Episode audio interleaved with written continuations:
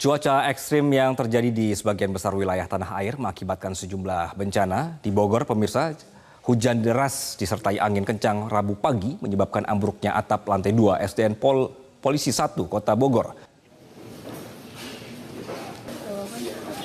BPBD Kota Bogor menyebut atap sekolah ambruk terjadi pukul 5.30 pagi saat hujan deras disertai angin kencang melanda Kota Bogor.